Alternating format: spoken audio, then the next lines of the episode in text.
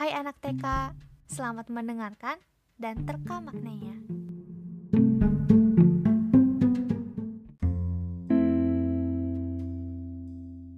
Repair almost anything. Sabar bukan berarti diam. Sabar bukan berarti menunggu dengan overthinking. Sabar bukan berarti hanya duduk manis. Tapi sabar juga harus ada usaha untuk menyelesaikan apa yang sedang dipermasalahkan. Mungkin ada banyak orang di luaran sana atau diri kita sendiri ketakutan dengan masa depan kita. Gimana ya kalau aku gagal? Gimana ya kalau aku nggak jadi orang sukses?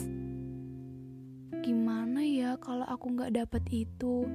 Gimana ya kalau aku gak ada uang buat ke sana? Dalam surat Al-Baqarah ayat 155, Allah Subhanahu wa taala berfirman yang artinya, dan kami pasti akan menguji kamu dengan sedikit ketakutan, kelaparan, kekurangan harta, jiwa, dan buah-buahan. Dan sampaikanlah kabar gembira kepada orang-orang yang sabar.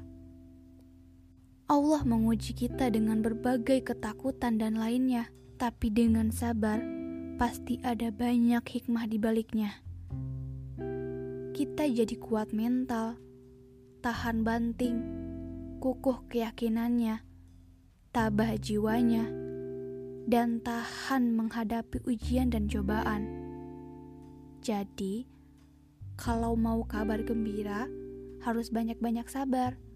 Kadang, untuk mendapatkan hal besar, memang harus mengorbankan kesakitan.